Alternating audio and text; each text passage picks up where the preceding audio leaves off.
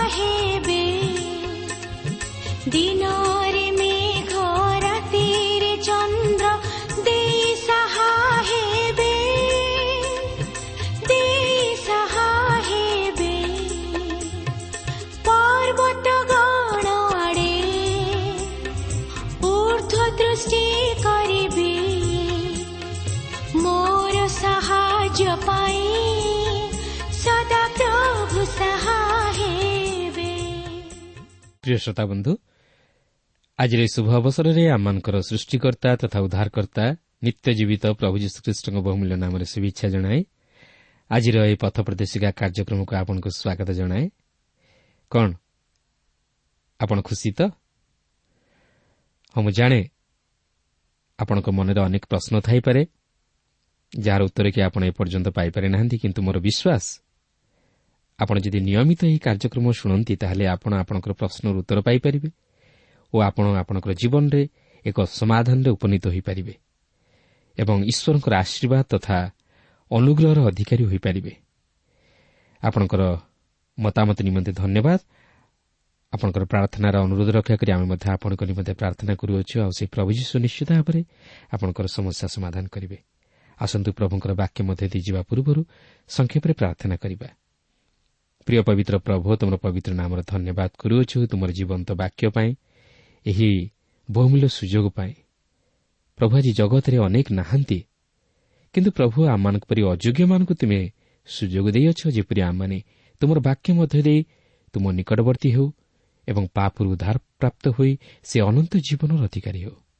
ପ୍ରଭୁ ଆଜିର ଏହି କାର୍ଯ୍ୟକ୍ରମ ମଧ୍ୟ ଦେଇ ତୁମେ ଆମ ପ୍ରତ୍ୟେକଙ୍କୁ ଆଶୀର୍ବାଦ କର। ଆମ ପ୍ରତ୍ୟେକଙ୍କୁ ଆତ୍ମିକ ଜୀବନରେ ବର୍ଦ୍ଧିଷ୍ଣୁ କରାଅ। ଯାହାର ଯାହା ଅଭାବ ରହିଅଛି ପ୍ରଭୁ ତୁମେ ତାହା ପରିପୂର୍ଣ୍ଣ କର। ତୁମର ଶାନ୍ତି ତୁମର ଆନନ୍ଦରେ ଆମମାନଙ୍କୁ ପ୍ରଭୁ ତୁମେ ପରିପୂର୍ଣ୍ଣ କର। ଯୀଶୁଙ୍କ ନାମରେ ମାଗୁଅଛୁ।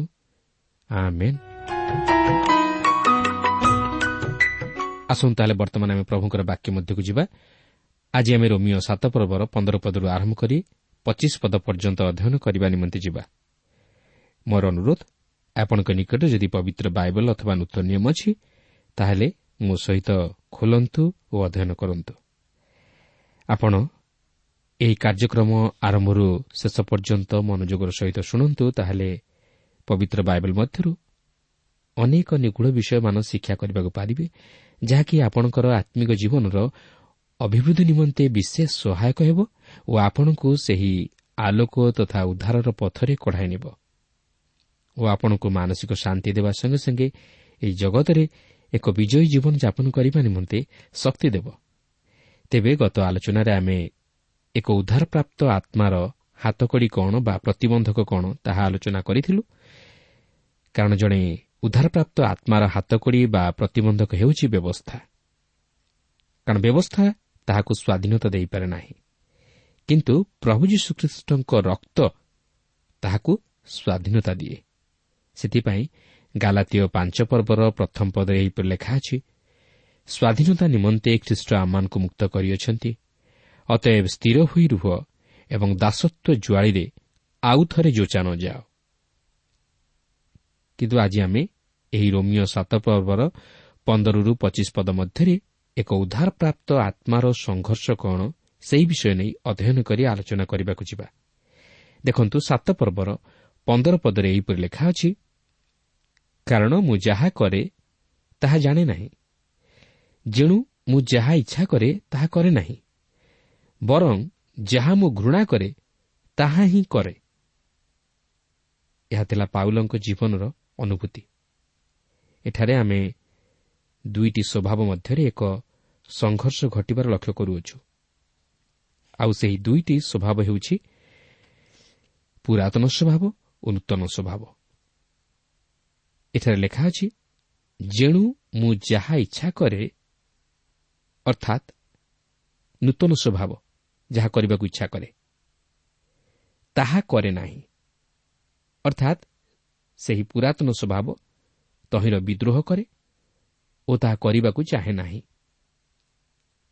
ପୁନଶ୍ଚ ଲେଖା ଅଛି ବରଂ ଯାହା ମୁଁ ଘୃଣା କରେ ଅର୍ଥାତ୍ ସେହି ନୂତନ ସ୍ୱଭାବ ଯାହା କରିବାକୁ ଘୃଣା କରେ ତାହା ହିଁ କରେ ଅର୍ଥାତ୍ ସେହି ପୁରାତନ ସ୍ୱଭାବ ତାହା ହିଁ କରେ। ତେଣୁ ଏଥିରୁ ଆମେ ଜାଣିବାକୁ ପାରୁଛୁ ଯେ ଜଣେ ଉଦ୍ଧାରପ୍ରାପ୍ତ ଆତ୍ମାରେ ବା ଜଣେ ଖ୍ରୀଷ୍ଟ ବିଶ୍ୱାସୀର ଜୀବନରେ ସଦାସର୍ବଦା ସେହି ନୂତନ ସ୍ୱଭାବ ଓ ପୁରାତନ ସ୍ୱଭାବ ମଧ୍ୟରେ ଏକ ସଂଘର୍ଷ ଘଟେ। ନୂତନ ସ୍ୱଭାବ ଯାହା କରିବାକୁ ଇଚ୍ଛା କରେ ନାହିଁ ତାହା ପୁରାତନ ସ୍ୱଭାବ ସାଧନ କରିବାକୁ ଚାହେଁ ଓ ଯାହା ନୂତନ ସ୍ୱଭାବ ସାଧନ କରିବାକୁ ଚାହେଁ ପୁରାତନ ସ୍ୱଭାବ ତାହାକୁ ତାହା ସାଧନ କରିବାକୁ ସୁଯୋଗ ଦିଏ ନାହିଁ। ତେଣୁ ଏହି କାରଣରୁ ଏକ ଖ୍ରୀଷ୍ଟ ବିଶ୍ୱାସୀର ଜୀବନ ଆତ୍ମିକ ସ୍ତରରେ ଏକ ସଂଘର୍ଷର ମଧ୍ୟ ଦେଇ ଗତି କରେ।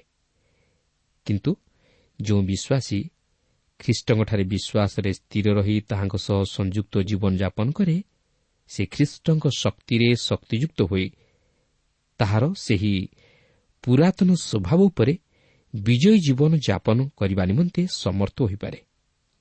ଯାହାକି ପାଉଲ ନିଜେ ତାହା ଅନୁଭବ କରିପାରିଥିଲେ। ପ୍ରିୟ ବନ୍ଧୁ ଆପଣ କ'ଣ ଏହି ଅନୁଭୂତି ମଧ୍ୟ ଦେଇ ଗତି କରିଛନ୍ତି କି? ଆପଣ କ'ଣ କେବେ ଏପରି କାର୍ଯ୍ୟ କରିଛନ୍ତି ଯାହାକି ଆପଣ କରିବାକୁ ଚାହୁଁନଥିଲେ ମାତ୍ର ତାହା କରିବା ଦ୍ୱାରା ତହିଁ ନିମନ୍ତେ ଦୁଃଖ କରୁଅଛନ୍ତି? ବା ନିଜର ସେହି ଅପକର୍ମ ନିମନ୍ତେ ନିଜକୁ ନିନ୍ଦା ବା ଘୃଣା କରୁଅଛନ୍ତି ଓ ତହିଁ ନିମନ୍ତେ କ୍ରନ୍ଦନ କରି କହୁଛନ୍ତି ହେ ପ୍ରଭୁ ମୁଁ କ'ଣ କଲି? ହଁ ମୁଁ ବିଶ୍ୱାସ କରେ ଯେ ବାସ୍ତବରେ ଯେଉଁମାନେ ଈଶ୍ୱରଙ୍କର ସନ୍ତାନ ସେମାନେ ନିଶ୍ଚିତ ଭାବେ ଏହିପରି ଅନୁଭୂତି ମଧ୍ୟ ଦେଇ ଆସିଥିବେ ବା ବର୍ତ୍ତମାନ ମଧ୍ୟ ଅନୁଭବ କରୁଥିବେ। ପାଉଲ ମଧ୍ୟ ଏଠାରେ ନିଜର ସେହି ଅନୁଭୂତିକୁ ପ୍ରକାଶ କରନ୍ତି। ପ୍ରକୃତରେ ପାଉଲ ତାହାଙ୍କ ଜୀବନରେ ତିନୋଟି ସ୍ତର ଦେଇ ଆସିଥିଲେ। ପ୍ରଥମତଃ ମୂଷାଙ୍କ ବ୍ୟବସ୍ଥା ଅନୁଯାୟୀ ସେ ଜଣେ ଅତି ଗର୍ବୀ ଫାରୁସି ଥିଲେ। କାରଣ ସେ ଭାବୁଥିଲେ ଯେ ବ୍ୟବସ୍ଥାର ବିଧିବିଧାନ ଅନୁଯାୟୀ କିଛି ବଳିଦାନ ଉତ୍ସର କରି ଓ ଧର୍ମକର୍ମ କରି ଈଶ୍ୱରଙ୍କର ସନ୍ତୋଷ ପାତ୍ର ହୋଇପାରିବେ। ଓ ଈଶ୍ୱରଙ୍କ ଦୃଷ୍ଟିରେ ଜଣେ ଉତ୍ତମ ବ୍ୟକ୍ତି ବୋଲି ଗଣିତ ହୋଇପାରିବେ ଓ ଈଶ୍ୱରଙ୍କର ହୋଇପାରିବେ।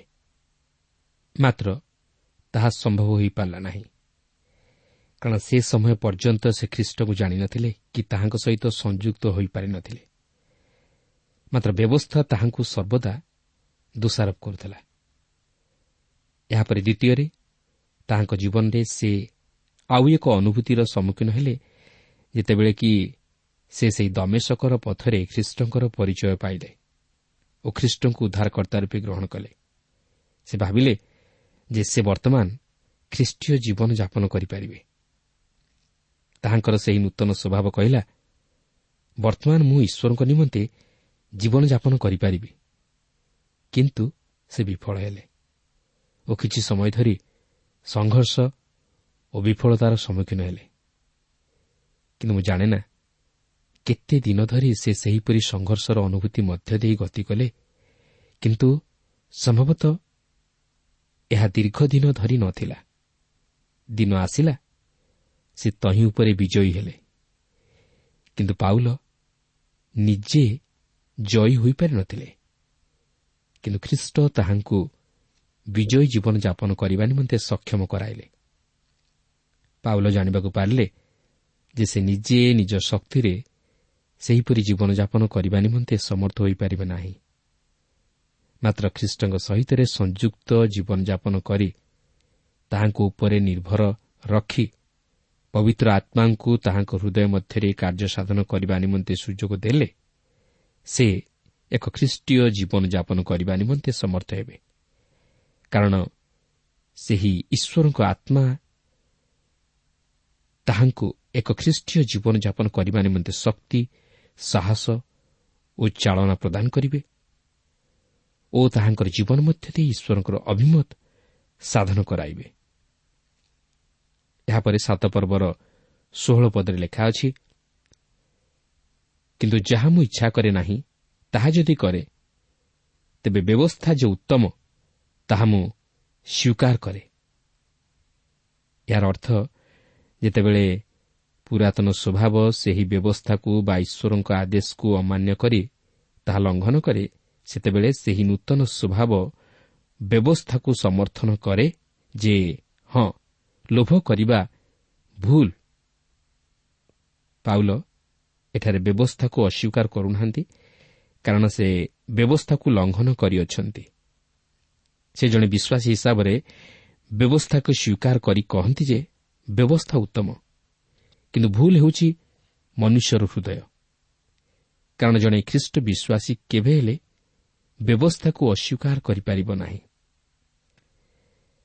କାରଣ ସେ ଜାଣେ ଯେ ବ୍ୟବସ୍ଥା ଅନୁଯାୟୀ ସେ ଧର୍ମକର୍ମ ସାଧନ କରିପାରିବ ନାହିଁ କି ଈଶ୍ୱରଙ୍କର ସନ୍ତୋଷ ପାତ୍ର ହୋଇପାରିବ ନାହିଁ। ଏହାପରେ ସାତ ପର୍ବର ସତର ପଦରେ ଲେଖା ଅଛି ଏଣୁ ମୁଁ ଆଉ ତାହା କରୁନାହିଁ କିନ୍ତୁ ମୋଠାରେ ବାସ କରୁଥିବା ପାପ ତାହା କରୁଅଛି। ଅନ୍ୟ ଅର୍ଥରେ କହିବାକୁ ଗଲେ ପାଉଲ କହନ୍ତି ମୋଠାରେ ଥିବା ସେହି ନୂତନ ସ୍ୱଭାବ ତାହା କରୁନାହିଁ ମାତ୍ର ସେହି ପୁରାତନ ସ୍ୱଭାବ ତାହା କରୁଅଛି। ମୋଠାରେ ଥିବା ସେହି ପାପର ସ୍ୱଭାବ ତାହା କରୁଅଛି ଆପଣ ଦେଖନ୍ତୁ ତଥାପି ପାଉଲଙ୍କର ସେହି ପୁରାତନ ସ୍ୱଭାବ ରହିଅଛି।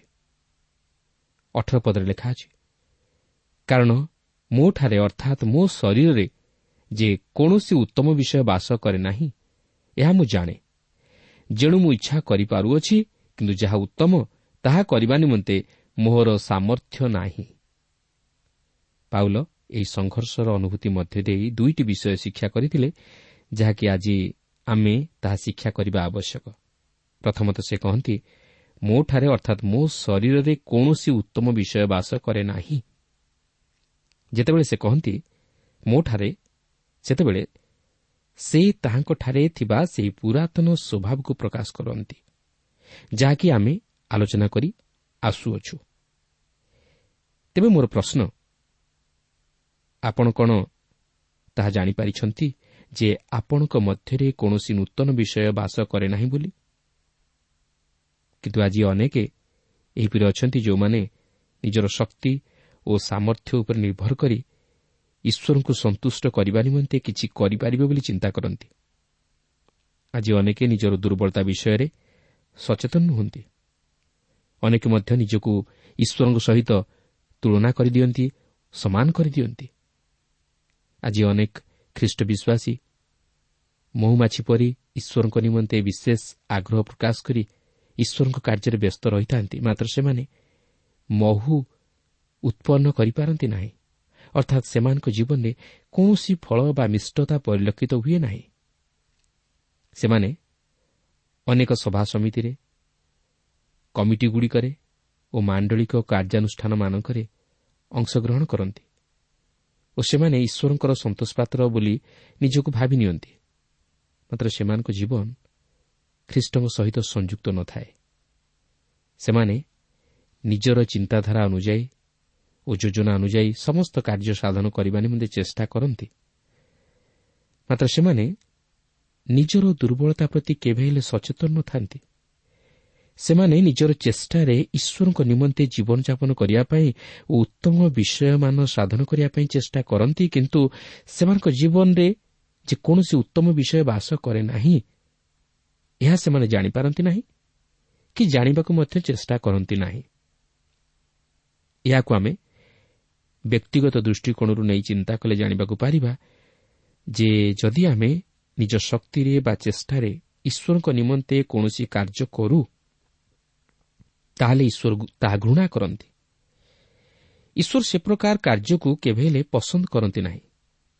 ଏପରିକି ସେହି ବ୍ୟକ୍ତିକୁ ମଧ୍ୟ ସେ ବ୍ୟବହାର କରିବାକୁ ଇଚ୍ଛା କରନ୍ତି ନାହିଁ। କାରଣ ତାହା ଈଶ୍ୱରଙ୍କ ଦୃଷ୍ଟିରେ ଉତ୍ତମ ନୁହେଁ କି ଗ୍ରହଣଯୋଗ୍ୟ ନୁହେଁ।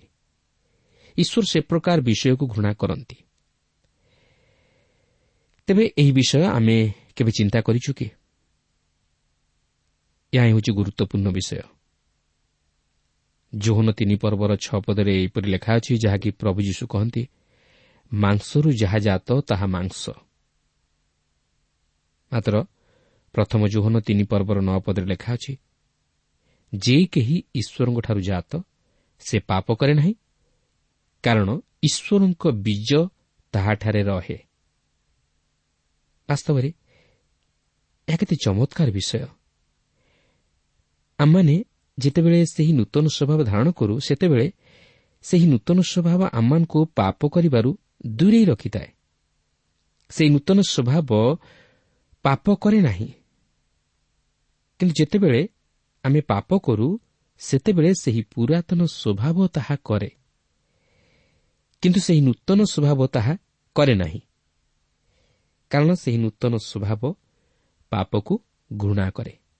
ଆଉ ସେହି ନୂତନ ସ୍ୱଭାବ ଆପଣଙ୍କୁ ହୃଦୟରେ ଥରକୁ ଥର ଚେତେଇ ଦିଏ ଯେ ଦେଖ ତୁ ଭୁଲ କରୁଛୁ ତୁ ପାପ କରିଛୁ ଓ ସେଥି ନିମନ୍ତେ ତୋତେ କ୍ଷମା ମାଗିବାକୁ ହେବ ଓ ସେହି ପାପକୁ ସୁଧାରିବାକୁ ହେବ। ଦ୍ୱିତୀୟରେ ଆମେ ଆଉ ଏକ ଶିକ୍ଷା ପାଉ ଯେ ଆମମାନଙ୍କର ନୂତନ ସ୍ୱଭାବ ଶକ୍ତିହୀନ। ଏହି ନୂତନ ସ୍ୱଭାବ ନିଜର ଶକ୍ତିରେ କୌଣସି ଉତ୍ତମତା ସାଧନ କରିପାରେ ନାହିଁ। ଦେଖନ୍ତୁ ପାଉଲ କହନ୍ତି ଯେଣୁ ମୁଁ ଇଚ୍ଛା କରିପାରୁଅଛି କିନ୍ତୁ ଯାହା ଉତ୍ତମ ତାହା କରିବା ନିମନ୍ତେ ମୋହର ସାମର୍ଥ୍ୟ ନାହିଁ। କାରଣ ସେ ଦେଖିବାକୁ ପାରିଲେ ଯେ ତାହାଙ୍କର ସେହି ପୁରାତନ ସ୍ୱଭାବ ମଧ୍ୟରେ କୌଣସି ଉତ୍ତମତା ନାହିଁ କି ତାହାଙ୍କର ସେହି ନୂତନ ସ୍ୱଭାବ ମଧ୍ୟରେ କୌଣସି ଶକ୍ତି ନାହିଁ। ସେହି ନୂତନ ସ୍ୱଭାବ ଈଶ୍ୱରଙ୍କୁ ସେବା କରିବାକୁ ଚାହେଁ ମାତ୍ର ସେହି ପୁରାତନ ସ୍ୱଭାବ ଈଶ୍ୱରଙ୍କ ବିରୁଦ୍ଧାଚରଣ କରିବାକୁ ପ୍ରବର୍ତ୍ତାଏ ଏହା ଈଶ୍ୱରଙ୍କ ବ୍ୟବସ୍ଥା ବିରୁଦ୍ଧରେ ଯାଏ। ଏହା ବ୍ୟବସ୍ଥାର ବଶୀଭୂତ ହୁଏ ନାହିଁ କିଏ ବା ହେବାକୁ ଚାହେଁ ନାହିଁ କି କେବେ ହେଲେ ହୋଇପାରିବ ନାହିଁ। ସେଥିପାଇଁ ରୋମିଓ ଆଠ ପର୍ବର ସାତ ପଦରେ ଲେଖା ଅଛି ଯେଣୁ ଶାରୀରିକ ଭାବ ଈଶ୍ୱରଙ୍କ ବିରୁଦ୍ଧରେ ଶତ୍ରୁତା କାରଣ ତାହା ଈଶ୍ୱରଙ୍କ ବ୍ୟବସ୍ଥାର ବଶୀଭୂତ ନୁହେଁ ପୁଣି ବଶୀଭୂତ ହେବା ଅସମ୍ଭବ। କିନ୍ତୁ ଏଥିସହିତ ମଧ୍ୟ ପାଉଲ ସ୍ପଷ୍ଟ ଭାବେ ଜଣାଇ ଦିଅନ୍ତି ଯେ ନୂତନ ସ୍ୱଭାବରେ ମଧ୍ୟ ଶକ୍ତି ନଥାଏ। ଅର୍ଥାତ୍ ପାଉଲ ଜଣାଇ ଦେବାକୁ ଚାହାନ୍ତି ଯେ ଜଣେ ନୂତନ ସ୍ୱଭାବ ଧାରଣ କରିବା ଦ୍ୱାରା ଏକ ଖ୍ରୀଷ୍ଟୀୟ ଜୀବନଯାପନ କରିପାରିବ ନାହିଁ। ଯେପର୍ଯ୍ୟନ୍ତ ସେ ଖ୍ରୀଷ୍ଟଙ୍କ ସହିତ ସଂଯୁକ୍ତ ହୋଇ ଖ୍ରୀଷ୍ଟଙ୍କ ଶକ୍ତିରେ ଶକ୍ତିଯୁକ୍ତ ହୋଇନାହିଁ ଓ ପବିତ୍ର ଆତ୍ମାଙ୍କୁ ତାହାର ଅନ୍ତର ମଧ୍ୟରେ କାର୍ଯ୍ୟ ସାଧନ କରିବା ନିମନ୍ତେ ସୁଯୋଗ ଦେଇନାହିଁ। ଆଜି ଆମେ ପ୍ରତ୍ୟେକ ତାହା ଜାଣି ରଖିବା ଉଚିତ ଯେ ଆମେ କେବଳ ନୂତନ ସ୍ୱଭାବ ଧାରଣ କରିଦେଲେ ଖ୍ରୀଷ୍ଟୀୟ ଜୀବନ ଯାପନ କରିପାରିବା ନାହିଁ। ମାତ୍ର ଖ୍ରୀଷ୍ଟଙ୍କ ସହିତରେ ସଂଯୁକ୍ତ ହୋଇ ଓ ତାହାଙ୍କଠାରେ ବିଶ୍ୱାସରେ ସ୍ଥିର ରହିଲେ ଆମେ ତାହାଙ୍କ ଶକ୍ତି ଦ୍ୱାରା ଏକ ଖ୍ରୀଷ୍ଟୀୟ ଜୀବନଯାପନ କରିବା ନିମନ୍ତେ ସମର୍ଥ ହୋଇପାରିବା। ପାଉଲ ନିଜ ଶକ୍ତିରେ ନୁହେଁ ମାତ୍ର ସେ ଖ୍ରୀଷ୍ଟଙ୍କ ଶକ୍ତିରେ ଏକ ବିଜୟୀ ଜୀବନଯାପନ କରିବା ନିମନ୍ତେ ସମର୍ଥ ହୋଇପାରିଥିଲେ। କାରଣ ଏକ ଖ୍ରୀଷ୍ଟୀୟ ଜୀବନ ଖ୍ରୀଷ୍ଟ କୈନ୍ଦ୍ରିକ ଜୀବନ। ରୋମିଓ ସାତ ପର୍ବର ଉଣେଇଶ ପଦରେ ଏହିପରି ଲେଖା ଅଛି କାରଣ ଯେଉଁ ଉତ୍ତମ କର୍ମ କରିବାକୁ ମୁଁ ଇଚ୍ଛା କରେ ତାହା କରେ ନାହିଁ। କିନ୍ତୁ ଯେଉଁ ମନ୍ଦ କର୍ମ କରିବାକୁ ମୁଁ ଇଚ୍ଛା କରେ ନାହିଁ ତାହା କରେ। ଆପଣ କ'ଣ ଏହି ବିଷୟ ଅନୁଭବ କରିପାରିଛନ୍ତି କି? ବାସ୍ତବରେ ପ୍ରତ୍ୟେକ ମନୁଷ୍ୟ ଉତ୍ତମ କର୍ମ ସାଧନ କରିବାକୁ ଚେଷ୍ଟା କରନ୍ତି। ଧାର୍ମିକ ଜୀବନଯାପନ କରିବାକୁ ଚେଷ୍ଟା କରନ୍ତି। ମାତ୍ର ସେମାନେ ପାରନ୍ତି ନାହିଁ। କିନ୍ତୁ ଯାହା ସେମାନେ କରିବାକୁ ଇଚ୍ଛା କରନ୍ତି ନାହିଁ ତାହା ଅତି ସହଜରେ କରିପକାନ୍ତି। ଏହାର ଅର୍ଥ ହେଉଛି ଜଣେ ଖ୍ରୀଷ୍ଟ ବିଶ୍ୱାସୀର ଜୀବନରେ ତାହାର ନୂତନ ସ୍ୱଭାବ ଖ୍ରୀଷ୍ଟଙ୍କ ନିମନ୍ତେ ଅନେକ ଉତ୍ତମ ବିଷୟ ସାଧନ କରିବା ନିମନ୍ତେ ଚେଷ୍ଟା କରେ କିନ୍ତୁ ତାହାର ପୁରାତନ ସ୍ୱଭାବ ତାହା କରିବାକୁ ସୁଯୋଗ ଦିଏ ନା ଓ ତହିଁରେ ପ୍ରତିବନ୍ଧକ ସୃଷ୍ଟି କରେ। ଏହା ହିଁ ହେଉଛି ଜଣେ ଖ୍ରୀଷ୍ଟ ବିଶ୍ୱାସୀର ଜୀବନରେ ସଂଘର୍ଷ। ଓ ମାଂସ ଦୁର୍ବଳ ହୋଇଥିବାରୁ ମନୁଷ୍ୟ ନିଜ ଶକ୍ତିରେ ବା ଚେଷ୍ଟାରେ ଈଶ୍ୱରଙ୍କ ନିମନ୍ତେ ବଞ୍ଚିବା ପାଇଁ ବା ଏକ ଖ୍ରୀଷ୍ଟୀୟ ଜୀବନଯାପନ କରିବା ପାଇଁ ସମର୍ଥ ହୋଇପାରେ ନା ସାତ ପର୍ବର କୋଡ଼ିଏ ପଦରେ ଲେଖା ଅଛି କିନ୍ତୁ ଯାହା ମୁଁ ଇଚ୍ଛା କରେ ନାହିଁ ତାହା ଯଦି କରେ ତେବେ ମୁଁ ନିଜେ ତାହା ଆଉ କରେ ନାହିଁ ମାତ୍ର ମୋଠାରେ ବାସ କରୁଥିବା ପାପ ତାହା କରେ। ପାଉଲ ଏଠାରେ ତାଙ୍କର ବ୍ୟକ୍ତିଗତ ଅନୁଭୂତି ମଧ୍ୟ ଦେଇ କହିବାକୁ ଚାହାନ୍ତି ଯେ ସେହି ପୁରାତନ ସ୍ୱଭାବ ମନୁଷ୍ୟ ଜୀବନରେ ସମସ୍ୟା ସୃଷ୍ଟି କରେ ଓ ମନୁଷ୍ୟକୁ ପାପ ପଥରେ କଢ଼ାଇ ନିଏ ଓ ପାପ କରିବାକୁ ପ୍ରବର୍ତ୍ତାଏ। ଏହାପରେ ଏକୋଇଶ ପଦରେ ଲେଖା ଅଛି ଅତଏବ ଉତ୍ତମ କର୍ମ କରିବାକୁ ଇଚ୍ଛୁକ ଯେ ମୁଁ ମୋ ନିକଟରେ ଯେ ମନ୍ଦ ଉପସ୍ଥିତ ଏହି ବ୍ୟବସ୍ଥା ମୁଁ ଦେଖୁଅଛି। ଦେଖନ୍ତୁ ଆପଣ କେବେ ଏହି ବିଷୟ ଅନୁଭବ କରିଛନ୍ତି ଯେ ଯେତେବେଳେ ଆପଣ ଆତ୍ମାରେ ଚାଳିତ ହୋଇ ଈଶ୍ୱରଙ୍କର ସେବା କରିବା ନିମନ୍ତେ ତାହାଙ୍କର ନିକଟବର୍ତ୍ତୀ ହୁଅନ୍ତି ସେହି ସମୟରେ ଆପଣଙ୍କର ମଧ୍ୟରେ ରହିଥିବା ସେହି ପୁରାତନ ସ୍ୱଭାବ ମନ୍ଦତା ଆଣି ଉପସ୍ଥାପିତ କରେ ବା ତହିଁରେ ପ୍ରତିବନ୍ଧକ ଉପୁଜାଏ? ହୋଇପାରେ। କୌଣସି ମନ୍ଦ ଚିନ୍ତା ବା ଅସ୍ଥିରତା ଆପଣଙ୍କ ମନ ମଧ୍ୟରେ ପ୍ରବେଶ କରିପାରେ। ପ୍ରତ୍ୟେକଙ୍କ ଜୀବନରେ ଏହା ସାଧାରଣତଃ ଘଟେ। ଓ ପ୍ରତ୍ୟେକ ଏହା ସ୍ୱୀକାର କରିବା ଉଚିତ ଯେ ମନୁଷ୍ୟ ଜୀବନର ପ୍ରତିଟି ମୁହୂର୍ତ୍ତରେ ପଦକ୍ଷେପରେ ବା ଘଟଣାରେ ମନ୍ଦତା ମଧ୍ୟ ତାହାର ପାଖେ ପାଖେ ଲାଗି ରହିଅଛି। କୌଣସି ମନୁଷ୍ୟ ଏଥିରୁ ବାଦ୍ ଯାଇପାରେ ନାହିଁ। କିନ୍ତୁ ଏହି ବିଷୟରେ ଯଦି ଜଣେ ସତର୍କ ନ ହୁଏ ତାହେଲେ ସେ କେବେ ହେଲେ ଏକ ସଫଳ ଖ୍ରୀଷ୍ଟୀୟ ଜୀବନଯାପନ କରିବା ନିମନ୍ତେ ସମର୍ଥ ହେବ ନାହିଁ। ଏହାପରେ ବାଇଶରୁ ତେଇଶ ପଦରେ ଲେଖା ଅଛି କାରଣ ଆନ୍ତରିକ ପୁରୁଷର ଭାବାନୁସାରେ ମୁଁ ଈଶ୍ୱରଙ୍କ ବ୍ୟବସ୍ଥାରେ ଆନନ୍ଦ କରେ କିନ୍ତୁ ମୁଁ ମୋର ଅଙ୍ଗ ପ୍ରତ୍ୟଙ୍ଗରେ ଗୋଟିଏ ଭିନ୍ନ ବ୍ୟବସ୍ଥା ଦେଖେ ତାହା ମୋର ମନର ବ୍ୟବସ୍ଥା ବିଷୟରେ ଯୁଦ୍ଧ କରେ। ଆଉ ମୋର ଅଙ୍ଗ ପ୍ରତ୍ୟଙ୍ଗରେ ଯେଉଁ ପାପର ବ୍ୟବସ୍ଥା ଅଛି ମୋତେ ସେଥିର ବନ୍ଦୀ କରିଦିଏ। ତେବେ ସେହି ଆନ୍ତରିକ ପୁରୁଷ ହେଉଛି ସେହି ନୂତନ ସ୍ୱଭାବ ଯାହାଦ୍ୱାରା ମନୁଷ୍ୟ ଈଶ୍ୱରଙ୍କ ବ୍ୟବସ୍ଥାରେ ଆନନ୍ଦ କରେ। କିନ୍ତୁ ଆପଣ ଦେଖନ୍ତୁ ଆପଣ ଉଦ୍ଧାରପ୍ରାପ୍ତ ହୋଇ ସେହି ନୂତନ ସ୍ୱଭାବ ଧାରଣ କରିବା ଦ୍ୱାରା ଆପଣ ସେହି ପୁରାତନ ସ୍ୱଭାବରୁ ତ୍ରାହି ପାଇପାରିବେ ନାହିଁ। ତଥାପି ଆପଣଙ୍କ ନୂତନ ସ୍ୱଭାବରେ ମଧ୍ୟ କୌଣସି ଶକ୍ତି ନଥାଏ। ପାଉଲ କହନ୍ତି କିନ୍ତୁ ମୁଁ ମୋର ଅଙ୍ଗ ପ୍ରତ୍ୟଙ୍ଗରେ ଗୋଟିଏ ଭିନ୍ନ ବ୍ୟବସ୍ଥା ଦେଖେ ଆଉ ତାହା ହେଉଛି ଈଶ୍ୱରଙ୍କ ବିରୁଦ୍ଧରେ ପୁରାତନ ସ୍ୱଭାବର ଶତ୍ରୁତା। ଯାହାଫଳରେ ଈଶ୍ୱରଙ୍କ ସନ୍ତାନଗଣ ଯେଉଁମାନେ ବାସ୍ତବରେ ଈଶ୍ୱରଙ୍କ ପ୍ରତି ବିଶ୍ୱସ୍ତ ସେମାନେ ଏହି ବନ୍ଧନରୁ ମୁକ୍ତ ହେବା ନିମନ୍ତେ ଈଶ୍ୱରଙ୍କ ନିକଟରେ ପ୍ରାର୍ଥନା କରନ୍ତି ଯେପରି ସେମାନେ ସେହି ପୁରାତନ ସ୍ୱଭାବ ଉପରେ ଏକ ବିଜୟୀ ଜୀବନ ଯାପନ କରିବା ନିମନ୍ତେ ସମର୍ଥ ହୋଇପାରନ୍ତି। ଏହାପରେ ସାତ ପର୍ବର ଚବିଶରେ ଲେଖା ଅଛି ହାୟ ଦୁର୍ଭାଗ୍ୟ ମନୁଷ୍ୟ ଯେ ମୁଁ ମୋତେ ଏହି ମୃତ୍ୟୁର ଶରୀରରୁ କିଏ ଉଦ୍ଧାର କରିବ? ଏହା ଉଦ୍ଧାରପ୍ରାପ୍ତ ହୋଇନଥିବା ବ୍ୟକ୍ତିର ଆର୍ତ୍ତସ୍ୱର ନୁହେଁ ମାତ୍ର ଉଦ୍ଧାରପ୍ରାପ୍ତ ହୋଇଥିବା ବ୍ୟକ୍ତିର ଆତ୍ମସ୍ୱର ଯିଏକି ସେହି ପୁରାତନ ସ୍ୱଭାବ ଓ ନୂତନ ସ୍ୱଭାବ ସହିତ ସଂଘର୍ଷ କରି ଶେଷରେ ନିଜକୁ ଦୁର୍ବଳ ବୋଲି ଚିନ୍ତା କରି ଜଣଙ୍କର ସାହାଯ୍ୟକୁ ଆଶା କରେ ଯିଏକି ତାହାକୁ ସେହି ପୁରାତନ ସ୍ୱଭାବ ଉପରେ ଏକ ବିଜୟୀ ଜୀବନ ଯାପନ କରିବା ନିମନ୍ତେ ଶକ୍ତି ଓ ସାମର୍ଥ୍ୟତା ପ୍ରଦାନ କରିବେ ଯିଏକି ତାହାକୁ ଉଦ୍ଧାର କରିବେ। ଏହାପରେ ପଚିଶ ପଦରେ ଲେଖା ଅଛି ଆମ୍ଭମାନଙ୍କ ପ୍ରଭୁ ଯୀଶୁ ଖ୍ରୀଷ୍ଟଙ୍କ ଦ୍ୱାରା ଈଶ୍ୱରଙ୍କର ଧନ୍ୟବାଦ ହେଉ। ଅତେବ ମୁଁ ନିଜେ ମନ ଦ୍ୱାରା ଈଶ୍ୱରଙ୍କ ବ୍ୟବସ୍ଥାର ଦାସ କିନ୍ତୁ ଶରୀର ଦ୍ୱାରା ପାପ ବ୍ୟବସ୍ଥାର ଦାସ ଅଟେ। ଏଠାରେ ସେ ଅର୍ଥାତ୍ ପାଉଲ ଜଣାଇ ଦେବାକୁ ଚାହାନ୍ତି ଯେ ସେହି ପ୍ରଭୁ ଶ୍ରୀଖ୍ରୀଷ୍ଟ ଏକମାତ୍ର ଜଣେ ଯେ କି ମନୁଷ୍ୟକୁ ସେହି ପାପରୁ ଉଦ୍ଧାର କରି ଏକ ବିଜୟୀ ଜୀବନ ଯାପନ କରିବା ନିମନ୍ତେ ଶକ୍ତି ଦିଅନ୍ତି। ସେହି ଈଶ୍ୱର ଖ୍ରୀଷ୍ଟଙ୍କ ମାଧ୍ୟମରେ ଆମମାନଙ୍କର ଉଦ୍ଧାର ସାଧନ କରିଅଛନ୍ତି। ଏହି ବିଷୟ ଆମେ ଆଠ ପର୍ବରେ ଅଧ୍ୟୟନ କରି ଦେଖିବାକୁ ପାରିବା ଯେ ସେହି ଖ୍ରୀଷ୍ଟଙ୍କ ମାଧ୍ୟମରେ ପରିତାଣ ଓ ପବିତ୍ରୀକରଣର କାର୍ଯ୍ୟ ସାଧିତ ହୋଇଅଛି। ଈଶ୍ୱର ସେହି ଖ୍ରୀଷ୍ଟଙ୍କ ମାଧ୍ୟମରେ ଆମମାନଙ୍କ ନିମନ୍ତେ ତାହା ସାଧନ କରିଅଛନ୍ତି।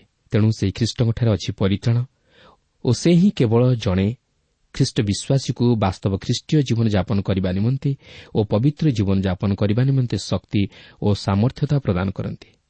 କିନ୍ତୁ ବ୍ୟବସ୍ଥା ପାଳନ କରିବା ଦ୍ୱାରା ନୁହେଁ। କାରଣ ବ୍ୟବସ୍ଥା ପାପକୁ ଦେଖାଇଦିଏ ମାତ୍ର ଈଶ୍ୱରଙ୍କ ଅନୁଗ୍ରହ ଖ୍ରୀଷ୍ଟ ଯୀଶୁଙ୍କ ମାଧ୍ୟମରେ ପାପୀ ମନୁଷ୍ୟର ପ୍ରାୟଶ୍ଚିତ ସାଧନ କରେ।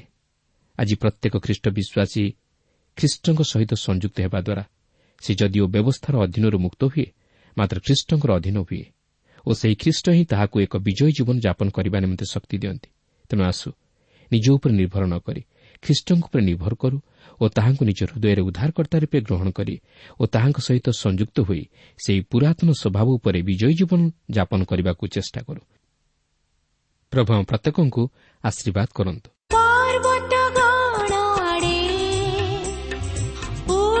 ଊର୍ଦ୍ଧ୍ୱ ଦୃଷ୍ଟି କରିବି ମୋର ସାହାଯ୍ୟ ପାଇଁ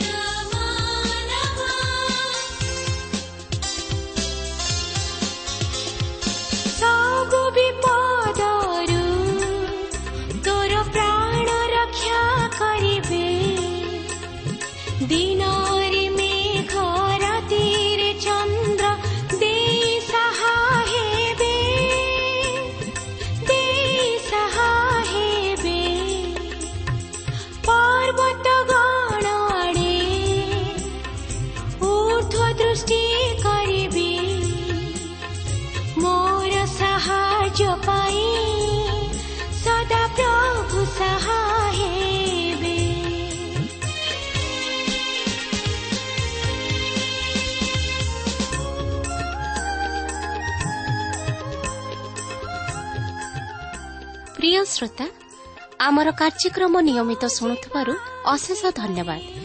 ଆପଣ ଏହି କାର୍ଯ୍ୟକ୍ରମ ଶୁଣିବା ଦ୍ୱାରା ଆତ୍ମିକ ଜୀବନରେ ଉପକୃତ ହୋଇପାରିଥିବେ ବୋଲି ଆମର ବିଶ୍ୱାସ। ପ୍ରଭୁ ଯୀଶୁଙ୍କ ବିଷୟରେ ଅଧିକ ଜାଣିବାର ଆଗ୍ରହ ଥିଲେ ଅଥବା ଉପାଦାୟ ପୁସ୍ତକର ଆବଶ୍ୟକ ଥିଲେ ଆମ ସହ ଯୋଗାଯୋଗ କରନ୍ତୁ। ଆମର ଠିକଣା ପଥ ପ୍ରଦର୍ଶିକା trans world radio India post box number ତିନି ତିନି ଭୁବନେଶ୍ୱର ସାତ ପାଞ୍ଚ ଏକ ଶୂନ ଶୂନ ଏକ। Mobile number nine seven double seven double two one four one five ঠিকଣାটি ଆଉଥରେ ଶୁଣନ୍ତୁ ପଥ ପ୍ରଦର୍ଶିକା trans world radio India post box number three three Bhubaneswar seven five one zero zero one mobile number nine seven double seven double two one four one five ଆମର email ଆଡ୍ରେସଟି ଲେଖି ରଖନ୍ତୁ Odia TV at radio eight eight two dot com ତେବେ ଆଜି ପାଇଁ ବିଦାୟ ଦିଅନ୍ତୁ। ନମସ୍କାର।